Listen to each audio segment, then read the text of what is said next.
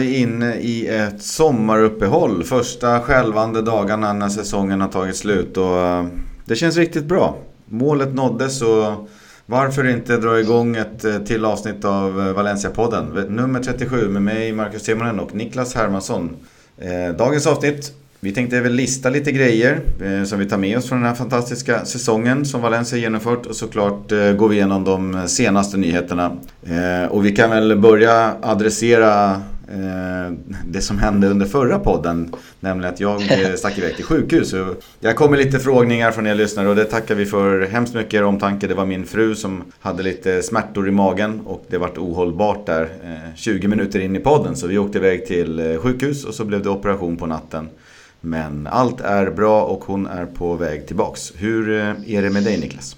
Jo, det var skönt att höra där efteråt att mm. allting gick bra. Det blev lite dramatiska minuter där och det blev lite, lite konstig poddinspelning. Men det är ju, det är ju ganska så eh, självklart att en podd inte blir superprioriterad i det läget utan det var ju mer att det skulle lösa sig för er så att säga och sen så fick podden bli vad det blev den veckan. Så det, men det, det, det känns kul att ha dig tillbaka och ha någon att och bolla lite tankar med. Det kändes eh, ja. som en liten så här äh, enstöring som satt där själv och liksom drog allting och fick inga mothugg eller äh, diskussioner direkt. Så jag, jag, jag tror att äh, både jag och alla lyssnare där ute är väldigt glada att ha dig med igen. Ja, vad härligt, vad härligt. Ja, men det var stort att du drog igenom podden i alla fall och det var säkert kul för alla att uh, ha någonting att lyssna, lyssna på, lite Valencia-relaterat. Det blir ju lite så att man känner att det är kul, och, kul att ha det en gång i veckan när man har vant ja, sig.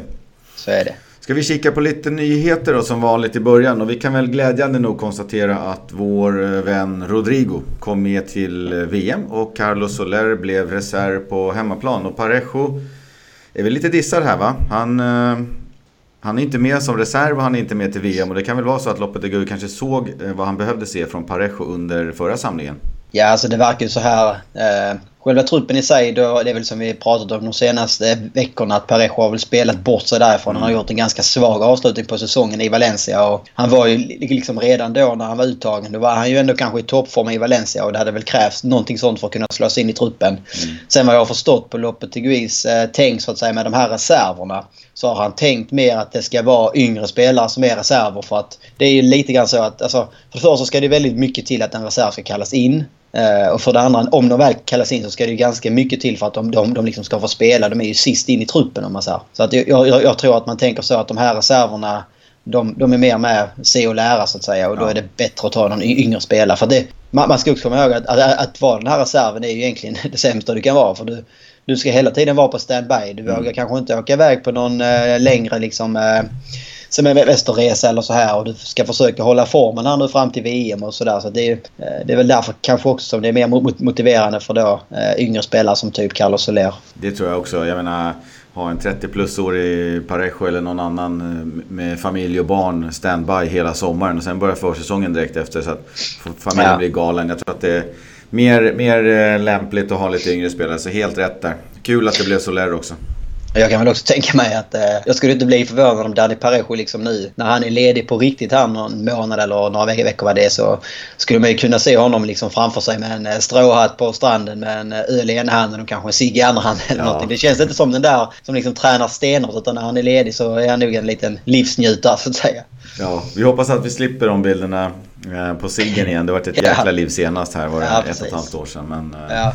Men då var det väl mitt i säsongen så då var det mm. väl lite värre så att säga. Jag menar om, de tar, om någon tar någon cigg och liksom någon äh, bläcka här under mm. sommaren så kan de väl vara väl värda det kanske. Ja, så är det. Sen har ju det har ju hänt lite grejer. Vi pratade om för någon vecka sedan att eh, kommunhuset, eh, eller kommunministeriet eller vad man ska kalla stadsfullmäktige i Valencia hade knorrat om att eh, det här med att Valencia fotbollsklubb begärde nya licenser för bygget av nya Mestalla, att det bara var en rökridå hit och dit. Just det. Nu briserar det ju verkligen eh, en bomb eller en stor nyhet. Det är ju att Valencia nu anlitar det amerikanska Deloitte. Som är eh, en revisions och konsultjätte för eh, arbetet med nya arenan. De ska se över den övergripande finansieringen, försäljningen av nuvarande Mestalla, övervakningen av bygget av nya Mestalla och lite sådana saker.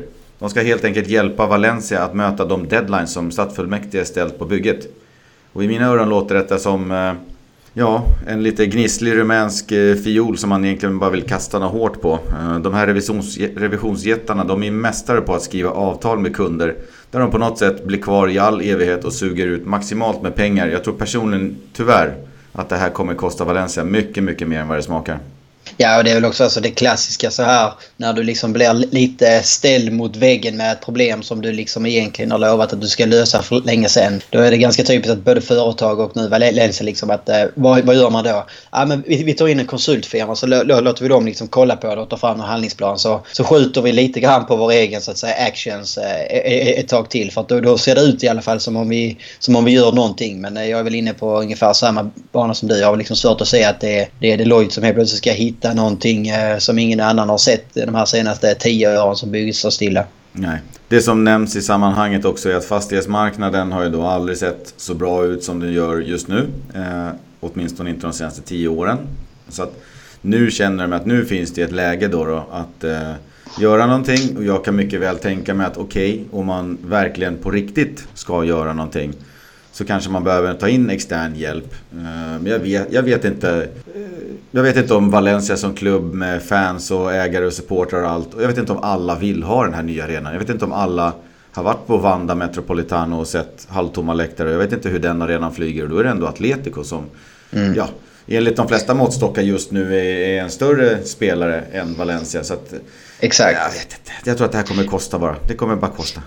Ja, men det var väl som vi hade framförallt i packavsnittet där när han också mm. pratade om arenan och eh, liksom då tanken från början var att det skulle vara 55-60 000 åskådare och då när den liksom skissen gjordes så kanske det fanns ett extremt intresse i Valencia. Eh, det fanns också en helt annan ekonomisk situation. Nu var det ju som Paco sa och som vi liksom kan se. Valencia snittar väl ungefär runt 35 000 på sina hemmamatcher nu. Eh, och då har man kanske hellre en arena som nuvarande Mestalla som rymmer ungefär 35-40 000 och då är det fullt när, du har liksom snittet i stort sett istället för att ha liksom ett en stor bjässe som då bara är kanske 60-70% full vid 90% av hemmamatcherna. Så det är ju... Eh, och hela, hela, alltså, jag, jag kan förstå logiken på ett sätt att eh, man, vill, man vill flytta en bit utanför stan som Nomestay är för allting med parkering och tillgänglighet till arenan och allting ska bli bättre. Men det finns ju också en väldig charm med nuvarande Mestalla som ligger ja. stort sett mitt inne i hjärtat. Folk kan gå dit och alla pubbar runt omkring och sådär. Så att, eh, Ja, det är ett oerhört charm runt den arenan där. Det, det ja. måste jag säga. Det är ju fantastiskt. Sen är det ju inte helt värdelöst vid det nya. Jag har ju varit där ett par gånger och knallat runt. Så det finns ju liknande scenario där då. Men det är, på något sätt det är inte samma sak. Nej, nej sen, men sen så är det väl också... Någon gång behöver man väl dra plåstret liksom. Alltså, är man, har man varit på nuvarande, eller vi ska väl kalla det nuvarande, kalla det med Stay helt enkelt. Så mm. har man ju också sett hur sliten den är så att säga. Och då har man ju ändå gjort de senaste åren en hel del uppfräschningar som mm. var minst sagt nödvändiga. Men det krävs ju liksom ingen byggingenjör för att se att Mestalla inte kommer att stå för evigt om man säger så. Utan eh, någon gång så behöver vi nog dra plåster tyvärr och då är det väl... Men det är också alltså hela det här med Numes Day att det har stått stilla sedan 2008 och frågan liksom som många ställer sig är om jag ens... Alltså det här skelettet, finns det ens någonting som kommer att vara användbart där? Så det, det, det är så många delar i det här som ska klaffa. Man, man, anledningen till att det stannade 2008 var ju att man inte fick sålt marken eh, på nuvarande Mestalla så att säga. Så dels så måste man ju lösa det och få tillräckligt betalt Eh, för den marken. Och sen så ska man då se till att kunna, kan man återuppta bygget där eller behöver man börja om från början? Och hur stor ska man göra den? Så att det känns ju liksom som det är en väldigt, väldigt stor apparat som ska i rullning på något vis. Jag tror att, eh, jag har hört någonstans att eh, 10 år lite styvt kan sån där betong stå. Jag tror att man kan justera ytskiktet lite grann och sen, men sen så börjar efter ett tag så börjar vatten och, och sol och så här göra för mycket påverkan. Så att det är därför det börjar, det är därför det är deadlines uppsatta nu av, ja om det var stadsfullmäktige. Just det. Eh, som som eh, har satt upp deadline så att innan det här måste det vara klart och blir det inte det så de har redan passerat några gånger så att det liksom blir inne på sista versen nu. Så händer inte ja. någonting inom fem år då tror jag faktiskt att de river det. Ja, nej det känns så. Och det är klart, det, det, det är tråkigt på ett sätt men det är så mycket pengar som man ändå redan har lagt på det till, liksom, till intet. Men eh, Kanske är det också så att det är bäst att liksom bara riva plåstret och så skissa på en, på en ny, ny, ny arena så att säga som kanske då kan vara lite mindre eh, flådig om man säger så och mer liksom påminna om nuvarande Mestalla på något vis. Mm. Sen tycker jag att vi hoppar in i hissen och, och åker ett par våningar neråt till eh, Segunda B.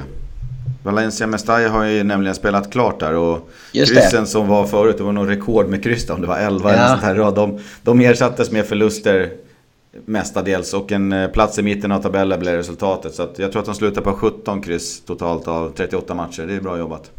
Ja, det, det var väl, man, man låg väl ingenmansland länge där så att säga. Och det var väl alla de här kryssen, hade man liksom bara fått med, med sig en fem, sex segrar av dem så är det väl inte omöjligt att det kanske kunde blivit en kamp, kamp i toppen istället. Men eh, det känns som man, man har, det känns som man liksom har varit här i ingenmansland i, i Mestalla-laget i flera säsonger på något. Man tar inte det där steget som man kanske hade önskat och kliva upp ett steg i pyramiden.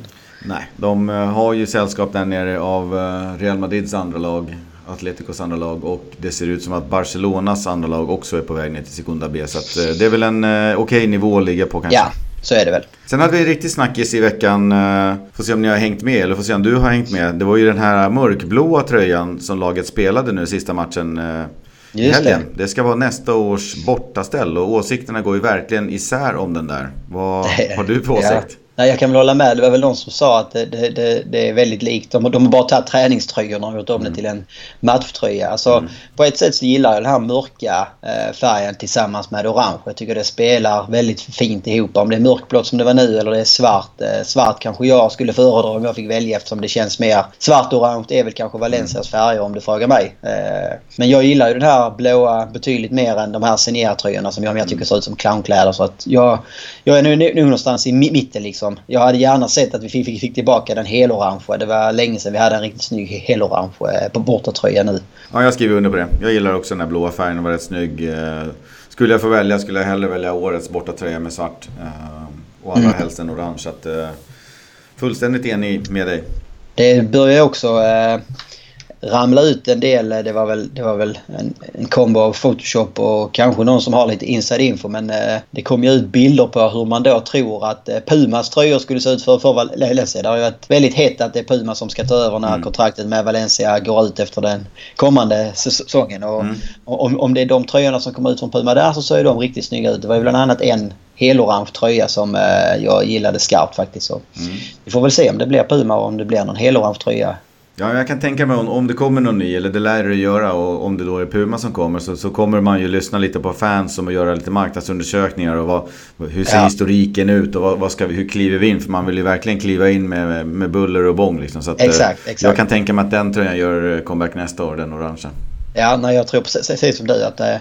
framförallt första året när man kommer in som ny då vill man gärna vara lite så här publikfriare liksom. Mm. Och då kommer man nog ta någon som man vet går hem hos fansen. Och det är väl den här orange och sen är det väl Senior-tröjan som är lite så vattendelare på något sätt. Men det, den har vi ändå haft de senaste åren så det känns som att en orange borde ligga bra till. Ja, verkligen. Eh, sen har vi det här uh, hoppet om Bombo 3. Det lever. Tombola 3 i Champions League-lottningen. Vi har ju fått lite nya lag med i, i de här fyra tombola. Eh, nu är det faktiskt fem lag bakom Valencia. Det är Inter som kom med sista sekund från Serie A. De är sämre rankade. Lazio hade varit bättre rankade. Sen har du Hoffenheim i Tyskland som kom med. Och vi har Galatasaray, Bryssel och Victoria Pilsen. Alla de är sämre rankade än Valencia. Sen eh, behöver det komma ett par lag till där bakom. Nämligen tre stycken. Det blev en bra avslutning där i ligorna känns som för Valencias del. Det var många av de här som vi pratade om innan att mm. det här och det här behöver ske. Och det många av dem som ramlade in. Så nu får vi bara hoppas att lågt rankade kvallag också. Ja, du har, eh, om man kollar på de som eh, ska med eh, i kvalgrejerna så har du bland annat Benfica, Basel, Dynamo Kiev, Salzburg, Ajax, Ludogorets, PSV. De är alla rankade bättre än Valencia. Så att, kommer de in i Champions League, lyckas med sitt kval där så, så halkar Valencia ett steg längre ner för varje lag. Däremot så finns det ju Young Boys, AIK Aten, Spartak Moskva, Fenerbahce, Standard Liège, Celtic. Alla de är rankade sämre än Valencia. Så Malmö de FF så... antar jag. Vad sa du? Malmö FF antar jag. Ja, de, de antar jag är sämre rankade. Men eh, Nordsjälland också för den delen. De vann väl över Bröndby? Midtjylland. Mittjylland, ja. Ja, det var lite synd. Det var roligare med Bröndby. Dels så är det ett Köpenhamnslag och dels så är det väl ett lite roligare lag kanske. Eh, det varit, jag tror det hade varit enklare för att få till liksom en, en nordisk träff om man hade fått eh, Malmö eller, eller Bröndby då i Köpenhamn. Det hade ju varit mm. helt perfekt. Och både folk från Norge och Stockholmstrakten kunde liksom flyga ner till Köpenhamn eller sådär. Så det, det var väl vi får väl hoppas att eh, Malmö krigar sig in i, i, i turneringen och att Valencia hamnar i Bombo 3 så att man, man kan, kan hamna i samma grupp. Nu är det ju så att det kommer komma ett antal bra lag i, i Bombo 4 då. Tombola 4. Men det som händer när du är i Tombola 3 det är att du slipper de lagen som är i Tombola 3. Och just nu så är det Schalke, Lyon, Monaco, CSKA ja. Moskva och den här typen av gäng. Så att det kan till och med bli eh, Roma, Tottenham, Neapel om det är några riktigt högt rankade som kommer med. Så att, eh, så det, det, är otroligt viktigt att hamna i, i Tombola 3. Så det är kul. Hoppet lever. Det ser mycket bättre ut nu än förra gången. Ja, när vi, när vi pratade om det första gången så kändes det ju som det var liksom mikroskopiska chanser för det var så mm. många grejer som skulle falla på plats hit och dit. Men eh, nu två veckor senare så känns det plötsligt som att eh, det är 50-50 nästan i alla fall. Ja, och sen hade väl den gode Mathieu Alemany eh, varit ute och vevat ja. i media. Precis, Nej, men jag tycker det kan vara värt att lyfta eh, Alemanis arbete. Eh, I min bok så skulle jag väl nästan anse att han är, han är och har varit minst lika viktig som eh, Marcelino för det här nya Valencia så att säga. Och det är oftast mm. Marcelino som liksom har blivit ansiktet utåt för denna förvandlingen och med all rätt så ska han ha mycket cred för det, det som har hänt. Men Alemanis arbete så att säga mer i, i det tysta kanske eller bakom kulisserna där då Eh, dels inför säsongen så att säga fick ju in väldigt många lyckade värvningar. Eh, vi, vi kanske kommer in på det och går igenom alla värvningar för säsongen men det känns som i stort sett eh, 90% av värvningarna som kom in har ju varit väldigt lyckade och han fick ju till liksom många av de här utlåningarna, eh, eller inlåningarna som det då, då blir så att säga. Eh, av spelare som kanske inte Valencia annars kunde löst på något annat sätt. Eh, som också har funkat väldigt bra. Och inte glömma heller de här försäljningarna som, som man liksom gjorde. Man gjorde en ganska stor utrensning som var li lite kostsam kanske som kändes li lite märklig kanske men där jag tror att man, man var väldigt noga med att man ville få bort spelare som inte funkar i gruppen så att säga. Man ville ha harmoni i gruppen och då fick det liksom kosta att eh, kasta bort eh, typiska stjärnvärvningar som tidigare eh, presidenter och sportchefer har gjort. Eh, mm. och, men kanske det allra största som jag i alla fall tycker Alemani har gjort otroligt bra är ju alla kontraktsförhandlingarna och de här utköpsklausulerna på nyckelspelare i Valencia. Eh, där man bara snabbt kan rabbla igenom. men Carlos Soler som har kontrakt i 2021, 80 miljoner utköpsklausul. Eh, Lato 2021, 80 miljoner utköpsklausul. Rodrigo 2022, 120 miljoner utköpsklausul. Ferran Torres till 2021, 100 miljoner utköp. Gaia, som nu blev klart här igår va? Tisdags. Just det kontrakt till 2023 med 100 miljoners utköpsklausul. Och då Kondog som eh, ryktas vara eh, helt klar nu också för en fortsättning och fast Valencia-spelare till 2022 med 80 miljoner utköpsklausul. Så det är ju det är, ja, det är fantastiskt fint arbete. Det är, det är, liksom, det är ju Alemanis arbete som på något sätt bygger grunden och det är han som liksom eh, ger Marcelino förutsättningarna att också liksom få till det på planen. För hade vi liksom inte haft en... Hade vi varit kvar eh, vad hette hon här äh, asiatiska damen som... Chan. Leihon Chan ja. Hade vi haft kvar henne där så spelar det kanske ingen roll hur bra tränare Marcelino är om man inte får något material att jobba med liksom. Eller får den typen av karaktär som, som han vill ha så tror jag aldrig att Valencia hade kommit fyra i år. Nej, sen kan man väl nämna de här uh, Jordi Escobar som också har ett kontrakt med 80 miljoner euro. En ung kille. Och så har du väl Centelles och Jesus Vasquez och lite annat folk. Så du har ju ett antal ungtuppar också som Kangin Lee ska du väl färska upp nu. Uh, som också har bra klausuler. Så han har ju verkligen uh, vi skrev ju om det på Svenska fans förut att han, han började där under uh, U17-VM i Indien och, och fattade inte hur de kunde ha tappat Abel Ruiz och det var en till kille till, uh, Precis, ja. Barcelona och sa att det här får inte hända igen. Så han har ju signat upp på ett riktigt bra sätt och det som vi nämnde tidigare att uh, även fast det liksom Även fast man har en utsläppsklausul på 80 miljoner så betyder det inte att det är den enda summa man kan sälja spelaren för. Det betyder att Valencia själv kan välja att sälja för Exakt. en lägre summa. Men de tvingas inte sälja för, för, för någonting annat än just den summan. Så att, nej. hatten av för Alemany. Ja, nej, och det, det, liksom, det ger ett helt annat lugn och trygghet. Alltså tidigare har det varit så. Det kommit en sommar så vet man att nej, oavsett om, om Valencia vill eller inte vill sälja en spelare så kommer det ett bud som har varit liksom alldeles... Alltså man har haft alldeles för låga utköpsklausuler så man har ju tappat spelare till reapriser har det ju känts som. Mm. Och då, då, då, känns det ju ännu mer bittert. Jag menar, skulle ponera att eh, Rodrigo skulle försvinna i sommar. Ja men då tror jag inte han kommer att göra det för under 80-100 miljoner. Och då, då liksom den sorgen som det ändå skulle innebära att han lämnar. Den, det är ju ganska så fin tröst att veta att det ramlar in en 90 miljoner på banken. Liksom. Mm. Istället för att eh, för några år sedan så kanske det hade varit en utköpsskuld på 40-50 miljoner. Alltså då, då känns det liksom som ett rån att Rodrigo kan lämna för den, den typen av summa. Så det är, nej, det är väldigt välkommet och ett långsiktigt tänk på något sätt. Ja. Sen har vi ju eh, Ferhat Kogalan, den turkiske eh, ungtuppen där som spelar fortfarande under amatörkontrakt i, i uh, ungdomslagen då, i akademin. Han, det är tydligen United och Barca som slåss om hans signatur och Valencia försöker förlänga och så vidare. Så vi får se vad som händer där. Det börjar bli läge för att signa upp honom. Han är ju fortfarande eh, ungdom så man får inte skriva kontrakt för ens eh, i juni någon gång. Mitten av juni tror jag det är. Eh, då han fyller 16. Så att eh, Valencia försöker skriva kontrakt. Manchester United och Barcelona försöker locka över honom innan dess. Ja, det är lite... Det är många, många unga spelare som eh, lockar så att säga i, i storklubbarna ute i Europa. Så det, är väl, eh, det känns ju också som att man är inne på rätt spår där och börjar i tid liksom med, med att säkra upp de pärlorna som man vill behålla och som man liksom tror på istället för att tvingas tappa dem för tidigt. Ja. Om man går i lite tankar om att få köpa loss eh, Rodrigo, vad, vad har vi för prislappar?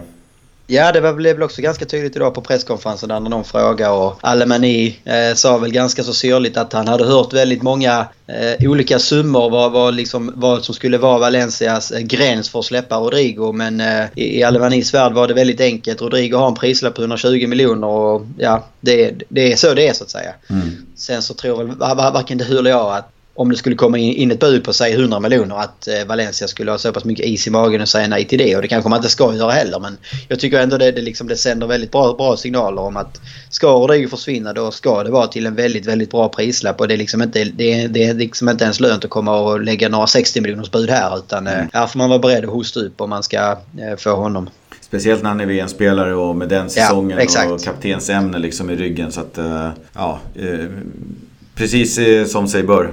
Ja, nej, jag tror att han kommer stanna i Valencia och det hoppas jag också av hela mitt hjärta faktiskt. Mm. Och Guedes?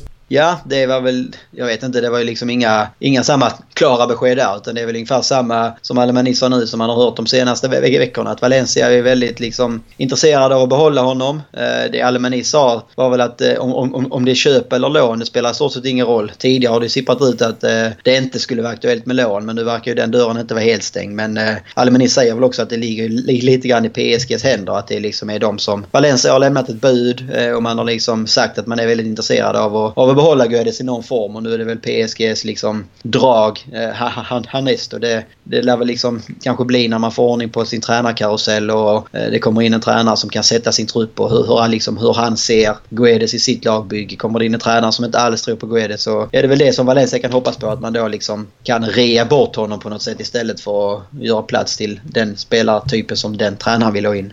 Ja, exakt.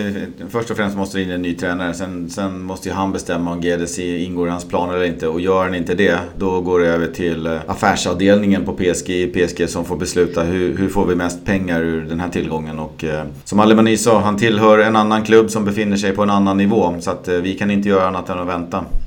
Nej, så är det ju. Det är ju mm. liksom... Valencia kan ju inte slänga upp 70 miljoner för Guedes eller så här. Och, och, även om man hade kunnat göra det så kanske det inte... Det är liksom Valencia har väl kommit förbi det här där man, där man lägger överpriser på spelare. Och Guedes hade en fantastisk höst och jag tycker att han har fantastisk potential. Men eh, samtidigt så såg vi också under våren att, eh, att, att, han kan vara mänsklig så att säga. Under hösten så seglade han ju upp och det var liksom snack om det var den nya Ronaldo hit och dit. Och det kändes ett tag som att det skulle vara omöjligt för Valencia att knyta sig till honom på något sätt. Men efter hans mer normala vår så eh, så finns det nog ändå goda förhoppningar om att vi kan se honom i Valencia nästa säsong också tror jag. Ja, jag håller alla tummar jag har. Annars lite smågrejer. Eh, fick väl också reda på att inget beslut var taget angående Vietto. Har väl också varit en, en snackis att det har väl varit hit och dit för någon månad sedan så gick det ju ut att eh, man hade bestämt sig redan att inte behålla honom och här för några ve veckor sedan så gick det ut rykten som sa att man hade bestämt sig för att behålla honom så att eh, det känns väl som eh, det är någonstans i, i mitten där skulle jag tro som vi pratat om innan. Att jag, jag tror att eh, Vietos vara eller icke vara beror nog väldigt mycket på vad som händer med andra anfallare i truppen. Så både de befintliga anfallarna och eh, om, om Valencia får någon av dem. Jag tror inte Vieto ligger, ligger högst upp om man säger så. Utan det är nog mer en, eh, en behaglig liksom, eh, plan B. Om, om eh, inget av eh, plan A faller väl ut så vet man vad man får i Vieto och det är en ganska bra prislapp på honom. Ja, det tror jag också. Sen hade vi lite smårykten. Sasa, är han på väg tillbaks till eh, Italien?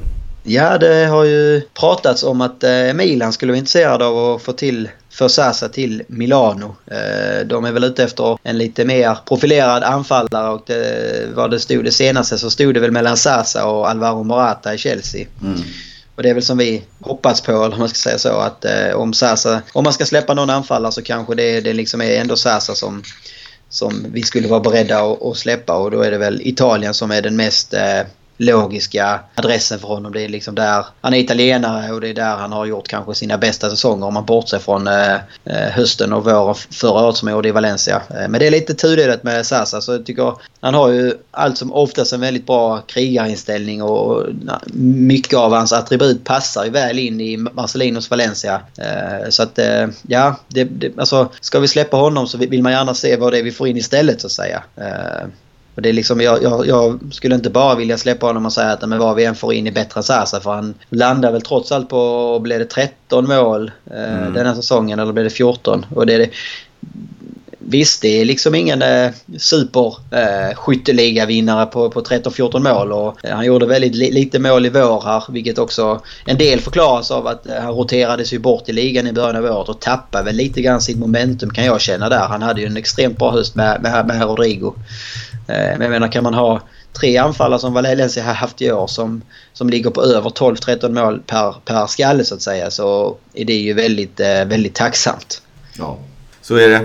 Ska vi kika på nästa kapitel i Cancelo-sagan? Ja, jag Vill vet de pröjsa inte. Inter? Ja, det verkar ju vara från ena dagen till den andra. Ena dagen så säger man att eh, nej, men man vill förhandla om. Dagen efter så drar man öronen åt sig och säger nej, men vi har all, eh, all avsikt att signa Casello och fullfölja avtalet som finns. Och dagen efter så är man tillbaka på rut 1 igen och då har det väl då seglat upp lite andra rykten runt om. Eh, någonstans så var det väl Man United, eh, vilket verkar väl vara ganska osannolikt. Det var nog mer ett sånt här eh, United letar högerback, Valencia har en högerback som har gjort det bra. Ja, han är nog på väg till United. Eh. Det, var liksom, det var nog inte mycket mer substans i det än så. Men det, det är väl andra storklubbar som också har, har pratat om, var intresserade av Cancelo. Så att, eh, ja, Real bland annat sägs ju vara redo att mm. punga upp. Så att vi får väl se. Det känns inte som han eh, kanske hamnar i Valencia utan det, det, känns väl som blir det inte Inter så kommer han nog lösa sig på något annat sätt. Ja. Däremot så tror jag att det finns lite mer substans i Gamero-ryktet. Nej, man får väl knappt hoppas det höll jag på att säga. Mm. Det är väl sån där klassisk följetong också. Det har väl varit de senaste... Sen dagarna när David Villa lämnade så mm. har väl Gamero i stort sett varit på Valencias eh, om det har varit på Valencias radar eller det bara är på Valencia Medias radar, det vet jag inte. Men det, så fort Valencia letar anfallare så kommer alltid Gameros namn upp. Eh, men jag, jag undviker gärna honom. Där finns eh, många anfallare som jag har före honom i kön faktiskt. Ja, det gör jag också. Jag tänkte mest på att eh, kommer det liksom hela tiden eh, information om Gamero eh, så måste det finnas någon typ av rök någonstans Ja, det är ingen nej, rök utan eld. Någon typ av nej. eld någonstans kan man säga. Ja. Att, eh, någon säger ju någonting. Förhandlingar, någon agent, någonting. Alltså du kan inte svälja samarbete varje gång annars om Valencia verkligen inte vill ha en. Så att, mer, mer, eh, mer substans i den affären än vad det finns i Cancelo till United. Därmed inte sagt att det finns mycket substans. Nej, det, det, tror jag med. Och eh, det är väl mer... Eh, Grishman ryktas också vara på väg bort från Atletico. Eh, och tappar man då Gamero också. Eh, då har man liksom en Diego Costa som har väl haft sina bästa år bakom sig kanske. Visserligen så blir det väl allt starkare rykten om att Agüero ska komma tillbaka och sådär. Så men det är väl många liksom... Eh, det blir de här följdeffekterna så att säga. Mm. Eh, de får ta tillbaka den här Vietto. Ja, precis. ja, han lär ju ramla tillbaka om inte Valencia köper honom så är det ju Atleticos problem så att säga. Mm. Ja men då så, det hade vi kommit till slutet av uh, nyhets, ingen säga, nyhetsdelen. Så vi tar en jingel där och så går vi på ett nytt uh, spännande segment. Ja. Sådär, ja vi var ju på bollen lite grann i julas redan när vi summerade året med lite lister och lite annat. Så vi tänkte väl att vi summerar säsongen igen med lite lister. Och Niklas var påpasslig här och skrev ner ett antal kategorier som vi tänkte att vi vi nämner en, eh, en varsin kandidat i varje kategori här så får vi ta det lite från höften då. Eh, för jag tror jag har inte förberett så mycket och jag tror inte du har gjort det heller så det kanske blir Nej. ganska kul. Jag tänkte det kan bli lite roligare att ta det spontant så det blir liksom det första som dyker upp på näthinnan och det kommer säkert vara en del grejer som man kanske i efterhand när vi, när vi själva också hinner fundera igenom det. Man kanske kommer på att ah, det skulle ju varit det och det. Men det, det kan vara lite skoj ibland också bara ta det på volley. Ja, jag tror att ni lyssnare mer än gärna fyller i om vi glömmer no någonting i någon kategori. Så tveka inte att höra av er om ni känner att eh, vi är fel ute och har tappat mot fotfästet här någonstans på någon, någon av kategorierna. Men du kan väl börja?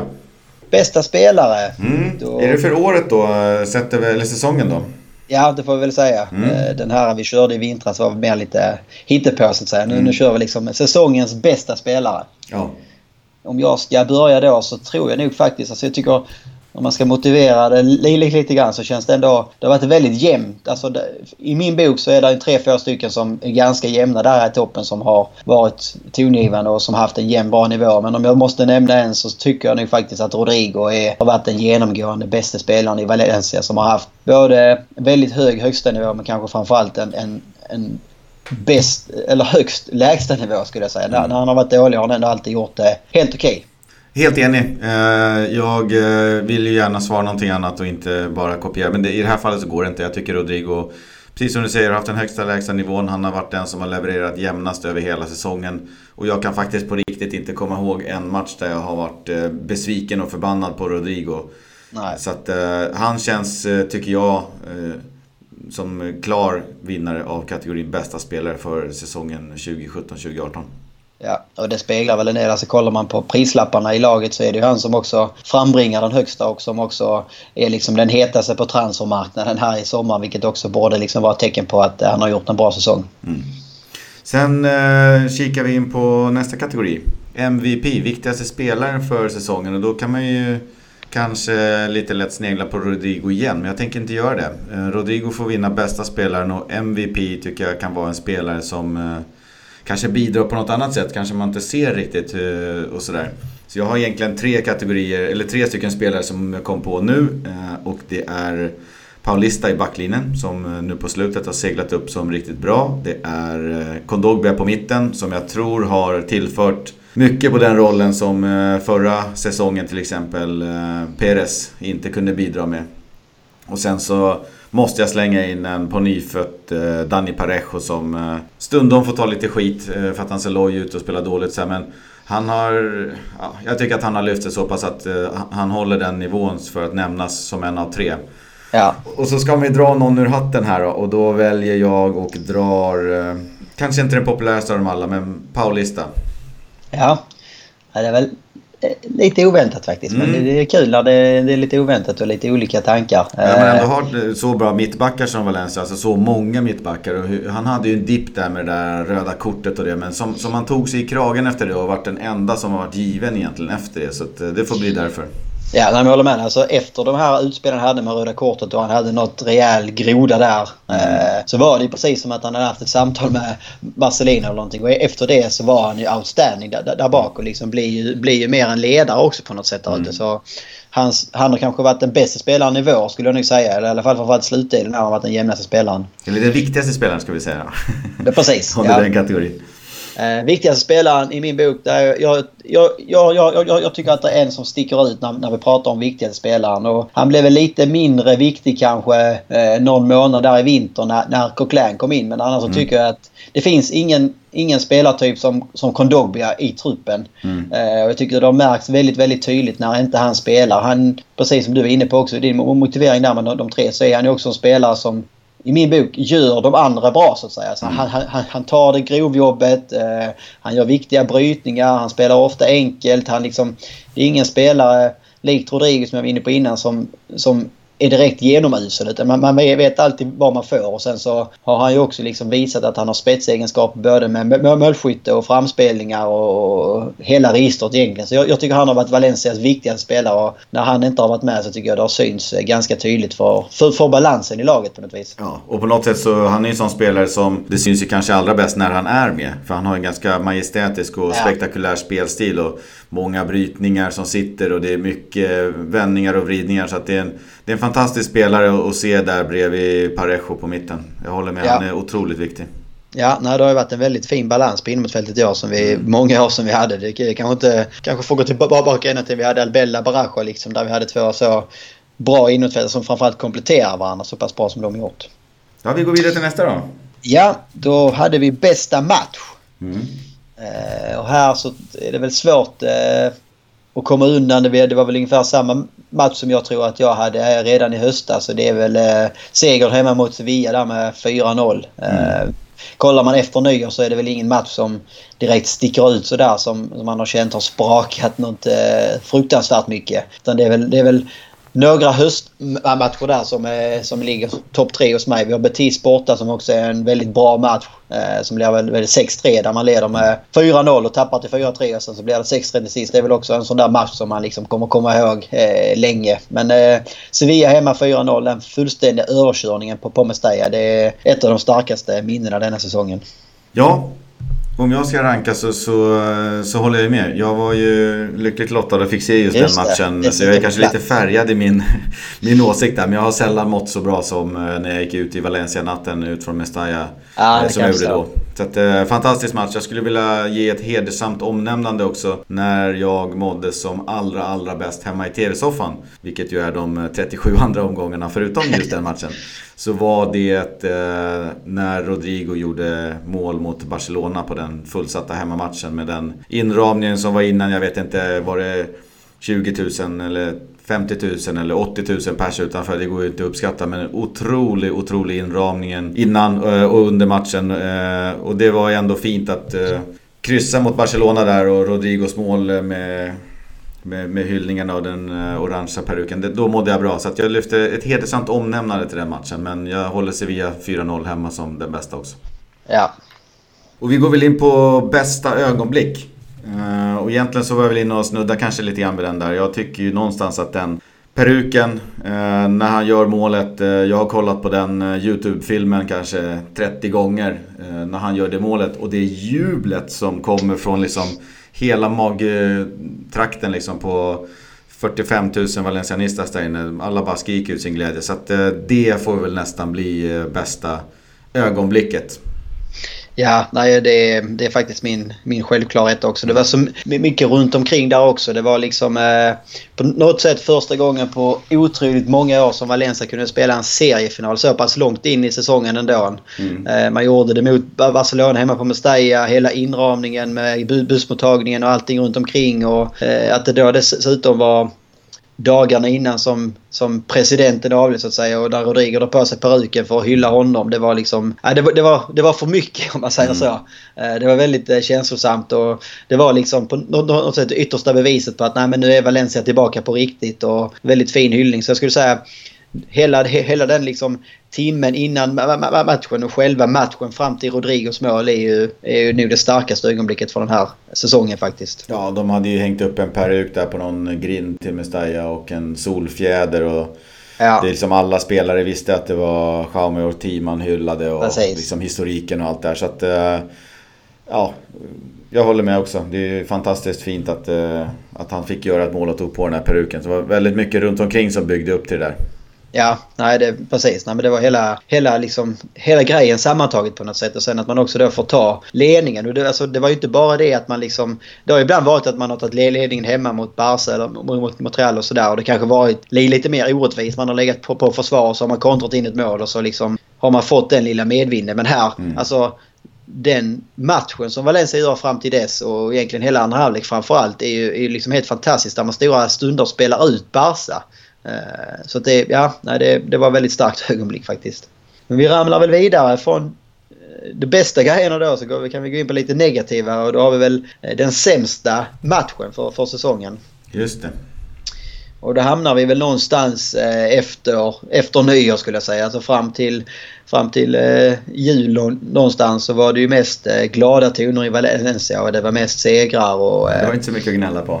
Nej, det var lite så. Eh, det är väl två matcher. De var väl i samma vecka tror jag. Eh, det var väl Las Palmas borta eh, som kändes som en väldigt onödig förlust. Och sen så omgången efter hade vi då Real Madrid hemma där det kändes som att man ändå skulle kunna göra en bra match men förlorade till sist med 4-1 och det kändes liksom lite för svagt på något sätt. Eh, men det var ju också när man hade sin, sin absolut tyngsta period så det är väl de två som jag skulle säga som har känts som, som de, de sämsta eh, prestationerna egentligen. Och där kanske Lallas Palmas match vinner att man inte liksom kan göra en bättre prestation mot jumbon eh, i ett läge där man hade liksom chansen att haka på tredjeplatsen. Det, det var för dåligt helt enkelt.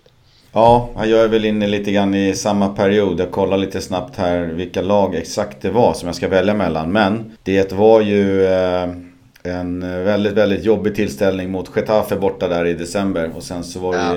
Eibar borta, samma sak. Jag kommer ihåg eh, oerhörd frustration från, från dig och mig när vi försökte summera ner de där matcherna och kolla vad det var som egentligen hände. Och, och vi fick ju en känsla av att de här smålagen då hade ju på något sätt knäckt koden för hur man grisar ner Valencia på bortaplan. Jag minns Eibar-matchen speciellt var ju... Nej, de, de försökte ju hacka sönder uh, Gedes på alla möjliga sätt och var på honom. Man tyckte att det borde ju varit 15 gula kort här men det var det inte. Så att, uh, ja. jag, tar, uh, jag tar Eibar borta, förlust med 2-1. Ingen rolig historia. Nej, nej, den kan vi köpa. Ja. Sen så ska vi kika lite på positiva grejer igen då. Årets mål. Jag eh, tror jag var inne på den. Vi har, den listade vi förut fast det var ju förra 2017 finaste mål. Och Just det. det har inte hänt jättemycket. Ska vi Nej. lyfta upp Vietos här på slutet kanske? Ja, det är, väl egentligen, det är väl egentligen det, hans där skott från mitten någonstans som kanske är bland de få under våren som skulle kunna blanda ja, sig in. Visst var det en av de här hattrick-målen va? Mot ja, precis. Palmas, ja. Jag eh, men, hoppas ni har glömt bort vad jag sa förra gången för jag tänkte säga samma sak. Jag, jag, jag tror att jag sa att eh, jag tar det här målet mot Real Madrid där eh, Soler, Lato och eh, Gaia sicksackar sig fram och om inte jag minns helt fel så är det Soler som rakar in den på slutet där. Eh, tre ungtuppar, tre Valencia-födda killar eh, mot stora Madrid eh, borta. det får bli mitt mål. Ja, Nej, jag vet att vi pratade om det sist också att det liksom är ju inget inget kanske så här klassiskt estetiskt vackert mål, ett skott i krysset. Men hela speluppbyggnaden och vilka spelare som är inblandade och det är borta mot Real Madrid och tystar liksom hela Bernabéu. Eh, det gjorde ju också att eh, jag hade det väldigt högt upp i, i min bok också. Eh, det målet som jag fastnar för både då och nu tror jag är ändå Guedes mål hemma mot Sevilla. Mm. Där han gör liksom en fantastisk solorädd där han verkligen visar vilken fart han har. Det känns liksom som hela Sevilla-laget står stilla nästan när han sätter fart. Så dribblar han av två man vid straffområdesgränsen och drar upp den i krysset och det blir liksom... Det var väl på något sätt crescendot i den 4-0-segern. Mm. Eh, så att, eh, nej, det var ett mål som både liksom fick eh, Guedes och lyfta som liksom en av Europas hetaste spelare just då. Där kanske många också, både i Spanien och ute i Europa, fick upp ögonen för att Valencia var, var på allvar igen på något sätt. Så att det målet håller jag nog ändå som årets mål faktiskt. Ja, oerhört vackert. Man tappar ju helt där på läktarna och jag kan ju tänka mig att han borde gjort några fler sådana där. Jag tycker att han skjuter en, två, tre dess över hela tiden. Så han hade säkert kunnat gjort 15 till om man kan sänka sitt sikte med en halv meter någonting. Ja, så han har ju så här fräsande skott flera gånger. Nästan varje match har han så här riktigt fräsande skott. Och det var ett av de där fräsande skotten som satt mot Sevilla. Det var, den satt längst ut, helt otagbart. Ja, nej. Det, det, det är synd precis som du säger. För han kommer ju ofta till väldigt bra skottläge. Men det är precis som att det är lite så här, nästan juniormisstag. Att man tar i för mycket eller någonting. Alltså istället för... Behöver inte, man såg ju några gånger där i vintras när en del av hans mer slumskott ramlade in så att säga. För det är ju så att träffa mål så kan den alltid gå in. Det var ju ett par bollar som målvakterna tappade in eller blev en onödig retur så kan man slå in den. Men mm. skjuter du över så ja, då finns det liksom 0% möjlighet att det ska kunna bli någonting bra av det. Så det är väl det han kan utveckla kanske. Ja, så är det. Vi kikar väl på nästa kategori. Ja, då hade vi bästa unga spelare. Mm, här har vi väl inte satt några definitioner på vad som är ung och gammal om man säger så. Uh, här är väl ett par spelare som, som, uh, som är med och fightar som det. Man kan väl räkna både en Gonzalo Guedes som en ung spelare. Eh, kanske en Gaia Lato får väl också rankas som yngre spelare, Santimina. Eh, Och de två som det till sist hamna, eller handlade om i min bok var väl egentligen Santimina och Carlos Soler. Eh, där jag till sist, eh, det är nog mest personligt egentligen, eh, valde föll för Carlos Soler. Jag tycker han har, han har tagit otroliga kliv denna säsongen också. Man ska liksom inte glömma att han debuterade eh, i fjol vintras och har alltså bara spelat Inför den här säsongen har han bara spelat en halv säsong i La Liga och var mycket inhoppare i fjol. Men i år har han sett ut som liksom en rutinerad La Liga-spelare och behärskat både högerkanten väldigt bra och gjort det lika bra på innermittfältet. Så jag tycker han är väl värd den utmärkelsen faktiskt. Ja, jag håller med. Eh, jag lyfter på, på hatten inför, eller för Carlos Soler. Han har, han har tagit sin nya roll eh, med, med en heder. Men eh, bara för att du valde han så väljer jag Santemina. Ja. Och jag tycker, du nämner ju han också här. Han, han kändes ju i, i vår bok, speciellt din bok, men även min bok i, i höstas som anfallare nummer, nummer tre liksom. Vi hade ja. Sasa och Rodrigo och så var det. Eh, men han fortsatte peta in bollar och han fortsatte visa att innanför det här pannbenet så finns det en oerhörd killerinstinkt som jag egentligen bara tror kanske Rodrigo kommer i närheten av. Rodrigo är bättre spelare på många andra sätt men just den killerinstinkten som, som Santemina har är, eh, tycker jag, ingen i, i, i, i laget kommer i närheten av. Så det är det han lever på. Så att han han är där när det gäller och han har nu på våren verkligen blommat ut och visat. Hade inte han blivit skadad och varit borta då en månad, han missade väl 4-5 matcher så, så hade han lika väl kunnat gjort fler mål än Rodrigo tror jag. Så att, ja. eh, där har vi en, en riktigt fin juvel och de visste nog vad de gjorde när de signade upp honom för sex års kontrakt för, var det, två och ett halvt år sedan. Precis, nej, jag håller med. Det är, väl, det är väl det som gör att han kommer två här är väl just att han oturligt nog liksom fick den här skadan när han var som allra hetast. Hade han fått liksom fortsätta i den formen där eh, så är det precis som du säger. Då tror jag att han hade kunnat bli intern skyttekung också. Och då kanske han hade varit med och fightat som en VM-plats, vem vet? Mm. Ja, och eh, eh, kanske en eh, försäljning till eh, gastronomiska summor. Jag menar, ja. han har ju ändå åldern, vad kan han vara, 22, 23, 24 kanske. Eh, han har ju åldern för sig mer eh, än vad Rodrigo har. Som ju är 27, 28. Så att ja. där hade det kunnat bli, ja, nu, nu behåller jag ju gärna Santemina men men vi får se, det hade kunnat bli ännu bättre än vad det till slut blev. Så att, han får lite... min bästa unga spelare. Ja, men det kan han vara väl värd.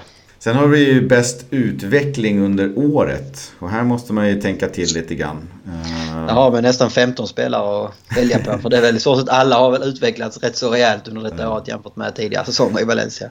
Ja, och jag tycker om man, om man börjar... Eh, jag antar att vi börjar i september då. Uh, och vem som har utvecklats då, blivit bättre och bättre successivt. Någon lyftning där. Så, så tänker jag inte nämna Sasa som jag faktiskt tycker har gått lite grann åt andra hållet. Jag tycker Eh, Dani Parejo har hållit sig på en hög nivå. Kondogbia landade ju springandes. Eh, så vidare. José Luis Gaya, inte så mycket. Han har hållit en bra nivå. Eh, jag, jag lyfter nog återigen upp Gabriel Paulista här. Som den som har seglat upp på slutet med, med fantastisk utveckling. Och verkligen blivit en, en, tung, viktig pjäs. Och vi ser ju många närkamper och många stillbilder som jag har kollat igenom. Så då är det han som tar sin kille, det är någon annan som tappar. Eh, så att han, mm. han får min bästa utveckling under året. Sen vill jag slänga in en liten, liten guldstjärna kanske för Jaume Domenech. Eh, jag tycker han har gjort det jäkligt bra när han kommit in. Det är många nollor där och det är svårt att komma från bänken. Jag tycker han har gjort det väldigt bra. Jag tyckte han var en ganska tveksam målvakt när vi, när vi gick in i det här. Och känner nu en större trygghet med honom. Även fast jag ser Neto som klar etta. Ja, nej, men till att börja med så vill jag väl bara hålla med dig om, om Schaume. Det är framförallt imponerande med tanke på vilken sits han ganska tidigt i höstas hamnade i. Där han blev tydligt tvåa liksom och visste att mm. Valencia hade bara ligan och lite kopparspel omkring jul och nyår. Men ändå liksom när han väl har fått chansen och man har även förstått på träningarna och sett liksom hur han har peppat netto och så här och verkligen brinner för klubben och har verkligen hjärta för det. Då är det också kul att se när han väl får chansen att, att, att, att, att han gör det så pass bra. Och de verkar ha en väldigt bra dynamik i... Ja, det är i, kul att se duon. Liksom, att de peppar varandra och man ser att de går ut på sociala medier när den ena eller andra stått och hyllar den andra för att han höll nollan och sådär. Så det är, nej, det är, det är sådana där liksom viktiga spelare som är enkla att glömma. Så det tror jag framförallt att det är väldigt, väldigt bra för, för, för truppen och gruppen att ha den typen av spelare. Att man har de som är strax bakom så att säga. Att man får dem att känna sig viktiga och att de inte tappar humöret eller modet utan håller uppe det under säsongen. Jag tänkte motsatta då om man har som alla sett, det är bra att man är vinnarskalle och blir sur när man blir utbytt. Tänk om eh, Jaume och Neto hade någon sån relation att de är sura och superkonkurrerar med varandra istället för att, istället för ja. att peppa så tror jag inte alls att det har varit lika bra. Nej, jag tror det är bäst att ha liksom en balans. Det, det är klart att båda vill, vill, vill stå och när de väl liksom är inne i kassen så gör, gör man allt för att det är, det är jag som ska stå så att säga. Men det gäller också att kunna släppa det när väl liksom träningarna eller matchen är slut så är man ju ett lag. Då är man inte mm. konkurrenter längre. Nej. Men okej, okay, bästa utveckling under året. Eh, jag hamnar nog ändå faktiskt på Rodrigo här igen. Mm. Eh, jag tycker att eh, kollar man liksom bara ett halvår, år tillbaka, eller ett år blir, blir det väl nu, så var han ju ofta, eller i alla fall flera gånger än en, eh, stort sett ut, vi visslade ut på Mestalla. Han, mm. han, han, kom ju till Valencia som liksom en profilvärvning och som skulle vara liksom eh, Spaniens nästa stora anfallare och var väldigt uppskriven och så här. Men fram till den här säsongen så har man ju inte sett mycket av honom. Och har ju, man har ju ibland kunnat tycka synd om honom för man har ju kunnat se att han vill väldigt mycket, mycket men han har ju inte fått till det. Eh, man har haft väldigt svårt att se vad Valencia sörjer Rodrigo om man säger så. Eh, och liksom gå från det till den kompletta anfallaren han har gjort i år. Han gör mål, han spelar fram till mål, han är liksom inblandad i spelet, han har ledaregenskaper och driver liksom på laget. Det är, ja, det är häftigt att se, se ändå liksom hur, hur pass mycket en tränare kan betyda och hur snabbt det kan gå. När man liksom har du talangen så gäller det liksom bara att få en tränare som tror på dig och som jobbar på, på rätt sätt med dig för då, då kan du få snabb utväxling. Verkligen. Han, eh, han hade lite motvind med skador. Han eh, spelade ett lag som, som var genomusla. Eh, och ja. fick inte alls komma till sin rätt. Och när, när man gick in i säsongen så, så hade jag hade inte det här för näthinnan. Att han skulle prestera det här och, och, och vara med i VM i Ryssland. Det, det fanns inte på min karta. Det, kan Nej. säga. det är Nej. helt omöjligt. Och han har haft en bra utveckling. Ja, nej det, det var precis som vi, som vi började den här kategorin. Så det här, här var nog ändå den kategorin som var svårast. Jag tycker mm. det, är, det är väldigt många som liksom är värda att nämna här. Vi pratade innan om Parejo som också haft liksom, eh, en enorm utveckling och tagit de, de, de stegen som man hoppas. Carlos Soler, eh, Gaia, Gabriel, Eh, Santimina. Mm. Där, är liksom, där är många, många som man skulle kunna dra upp här. Kondogbia kom liksom tillbaka från öken i Inter och har varit liksom eh, gigant på inom ett fält i Valencia. Guedes kom väl från och har liksom varit en liten talang till helt plötsligt vara en färdig spelare. Carlos, alltså där, där finns hur många spelare som helst egentligen i den här kategorin. Ja, många spelare har utvecklats under året och där får man ju tacka Marcelino, tränarstaben och den här uh, fystränaren Ismail kanske. Och det, det, finns säkert många som ska ha en eloge för det där men uh, det, det, är precis det man vill se. Utveckling av spelare, att alla tar steg hela tiden och det är så du håller det uppe i toppen. Så att, uh, det fanns ja. många att välja på. Det blev ju då Rodrigo och Gabriel. Just det. Då får du ta nästa, då dyker vi neråt igen. Ja, jag, jag, tar alla de här, jag liksom drar tillbaka oss lite grann. Man måste ha en del besvikelser och, och sånt här, här, här också för att balansera upp så att säga. Så nästa kategori är eget årets besvikelse.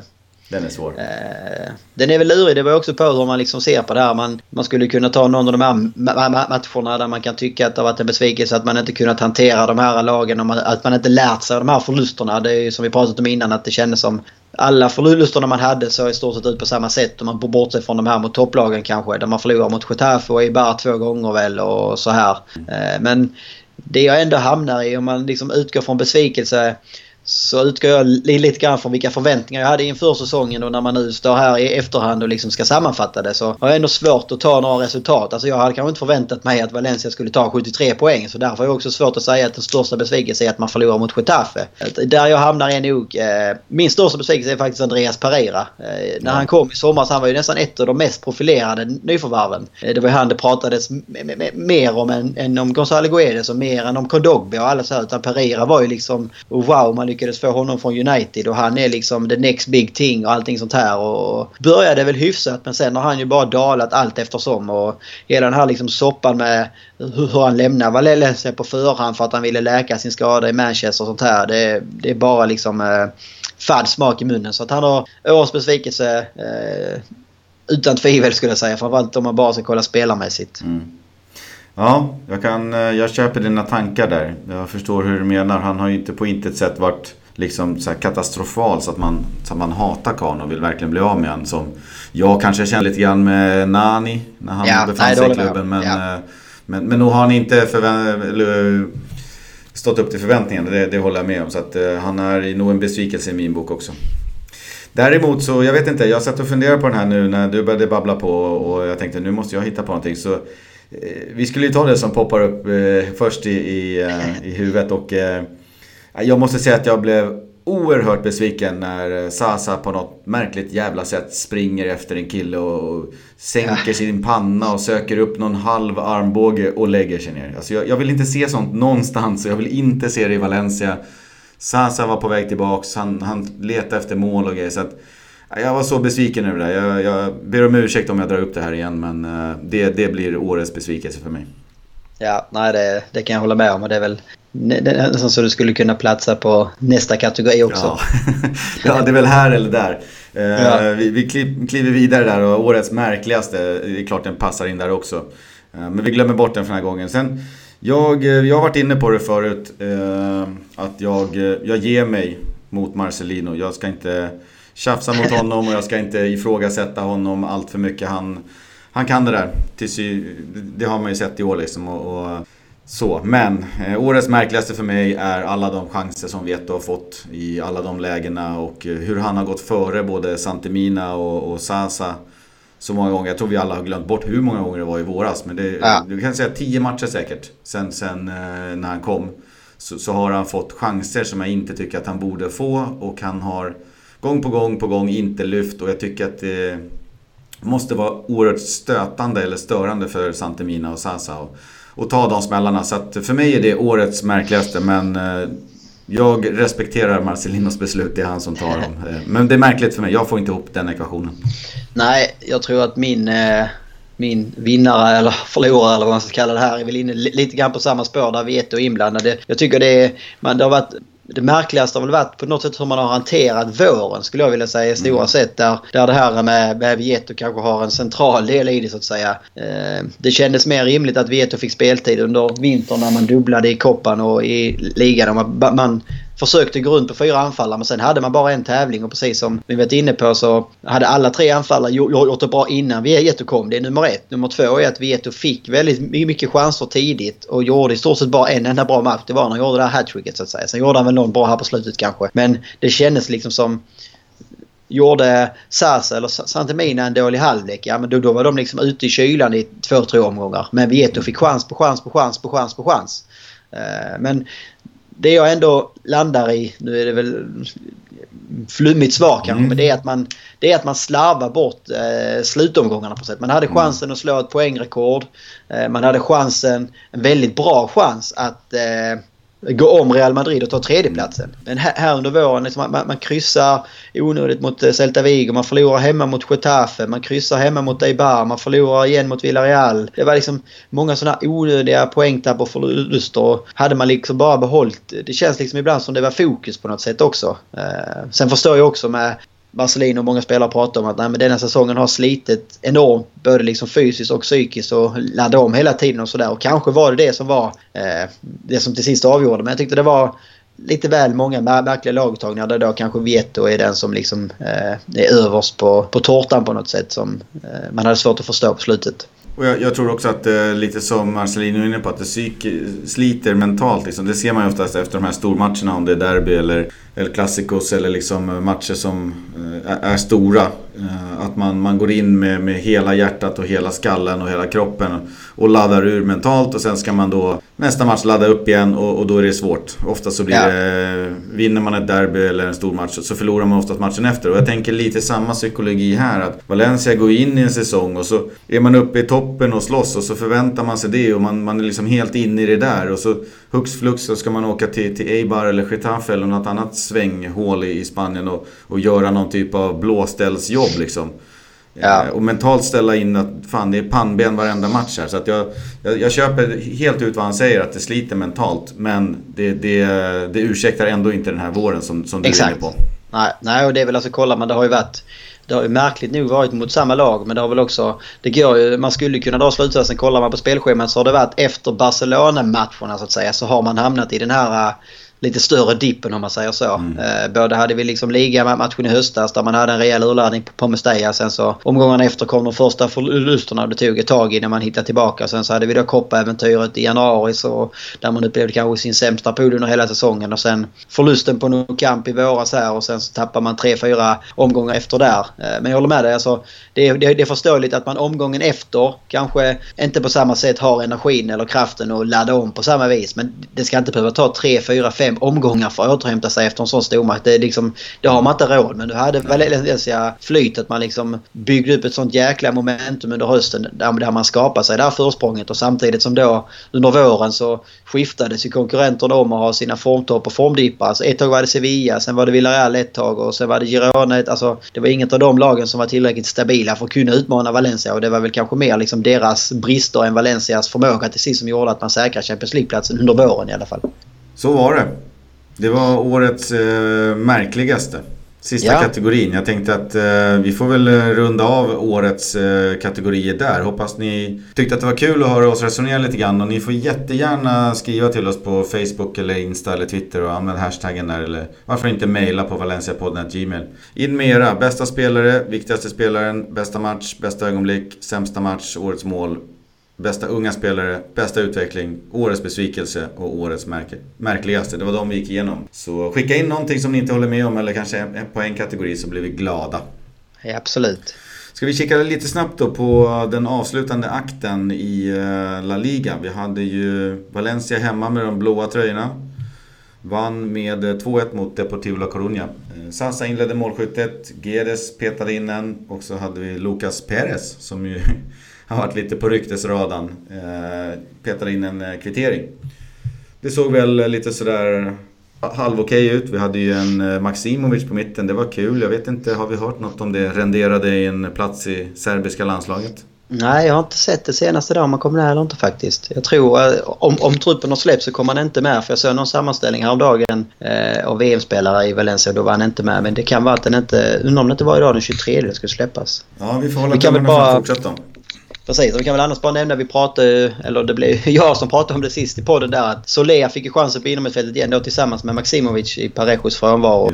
Då hade vi jag hade en liten utläggning där eh, som inte alla höll med om, vilket var ganska väntat egentligen. Men eh, det var väl det här om, om man nu ska tvingas sälja en, en spelare så att säga så satte jag, jag då Danny Parejo mot Carlos Soler och där jag då menar på att jag skulle hellre sälja Danny Parejo nu och behålla Carlos Soler. Eh, och det var ju många som inte höll med mig och det, det kan jag väl köpa men vi la ju också upp en eh, omröstning på Twitter. Just det. Och eh, där vi då skrev att man var tvungen att välja Danny Parejo eller Carlos Soler. Och eh, där fick faktiskt Carlos Soler 74% av rösterna. Så jag var liksom inte helt ensam där ute i alla fall om att eh, om det nu kommer liksom till den punkten där man tvingas välja så är det fler än jag som tycker att Valencia ska behålla Carlos Soler istället. Så det var ganska överlägset. Det har väl säkert att göra med ålder och så här att eh, Carlos Soler har betydligt fler år framför sig. Och mm.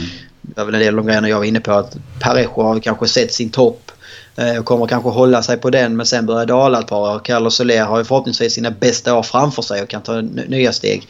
Eh, sen så ska man väl också liksom påpeka det återigen att jag tror ju inte att Valencia kommer hamna i den här sitsen där man står liksom med pistolen mot tinningen. Att du måste välja mellan det här. Sälj den ena eller sälj den andra. Mm. Eh, mest troligt så det var väl nästan en temperaturmätare för ja, om din tes liksom får för mycket mothugg. Ja, så var det ju. Jag kan flika in här med Bladen Kristajic kommer att annonsera Serbiens 23-mannatrupp eh, på torsdag den 24. Eh, så imorgon, ja. imorgon eller kanske igår för er som lyssnar. Så vi, vi när vi sitter här så håller vi tummarna för uh, vår gode vän Maximovic. Ja, absolut. Ja, fanns det något mer att nämna om matchen där egentligen? Det var väl defiering och de fick uh, jubla lite med hemmapubliken. Det var väl det roligaste. Sasa med målprotokollet igen. Precis. Ja, nej, det var väl, kändes väl som vi sa på förhand som en typisk sista omgångsmatch där inget lag att spela för. Det var lite Hawaii-fotboll. Eh, Valencia ville avsluta snyggt på hemmaplan. Deportivo, ja, jag vet inte. De gjorde väl ungefär så som de gjort hela säsongen. Ett ganska blekt intryck. Vi lägger den till handlingarna helt enkelt och, och därmed är ju säsongen över.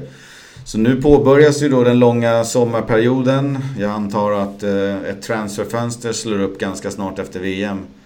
Och ja. eh, fram tills dess så är det ju mängder med rykten. Mängder, mängder. Det kommer ju nämnas kanske 150 spelare varav tre kommer värvas.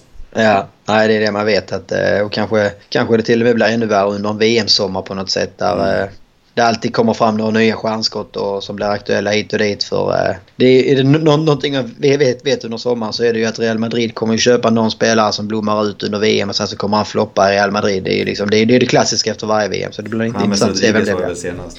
Precis. Han gjorde en snygg balja och 700 miljoner senare så har ja. Real årets flopp. Ja. ja. Nu gör han väl helt okej okay i Bayern München också men, eh, Precis, men det, det är lite så de rullar. Ja. De, de måste alltid bränna vad kan det vara, 600-700 miljoner varje år på en, en populistisk värvning för att liksom stilla truppernas rop liksom.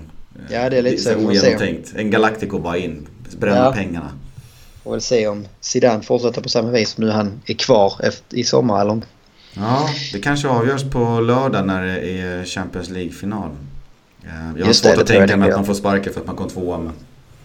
Nej, men det känns ju som då sammantaget under säsongen så har det varit en ganska... Blir man, förlorar man, man finalen också så känns det nog ganska misslyckat på något sätt. Ja, men det måste det göra. De var alldeles för långt bakom Barcelona. Nu hade ju Barcelona ja. en exceptionell säsong kanske va, men det, det, det är inte okej okay att ligga 25 pinnar bakom något sånt där.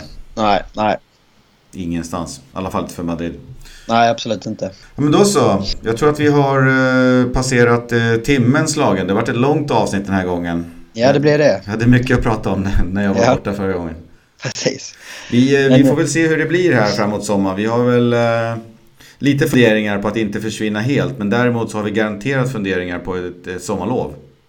Ja, det kommer det väl bli. Det, det var ju också som vi sagt innan. Vi behöver inte göra en podd bara för att så att säga. Det ska ju finnas någon slags eh, substans och några grejer som liksom är intressanta och både för oss att prata om och liksom ta ut på för er och lyssna på. Så då är det kanske bättre att köra lite eh, Eh, mindre täta intervaller så att vi kan samla på oss lite matnyttiga grejer till då, då istället så att säga. Ja, nu är ju allvaret slut med, med ligan och så, så att eh, det blir mer lättsammare avsnitt och jag tror att det kan eh, bli kul och lite annorlunda avsnitt som kommer ut. Vi har lite planer, vi tänkte väl inte avslöja alla här, men ta åtminstone sikte på eh, några strövavsnitt i, som, avsnitt i sommar och sen kommer vi tillbaks med full fart innan ligan drar igång med yeah. värvningskaruseller och träningsmatcher och full uppladdning. Så att eh, se till att värva några Valencia-polare under sommaren och snacka gott om klubben och se att det finns en podd så, så ses vi om inte annat i höst.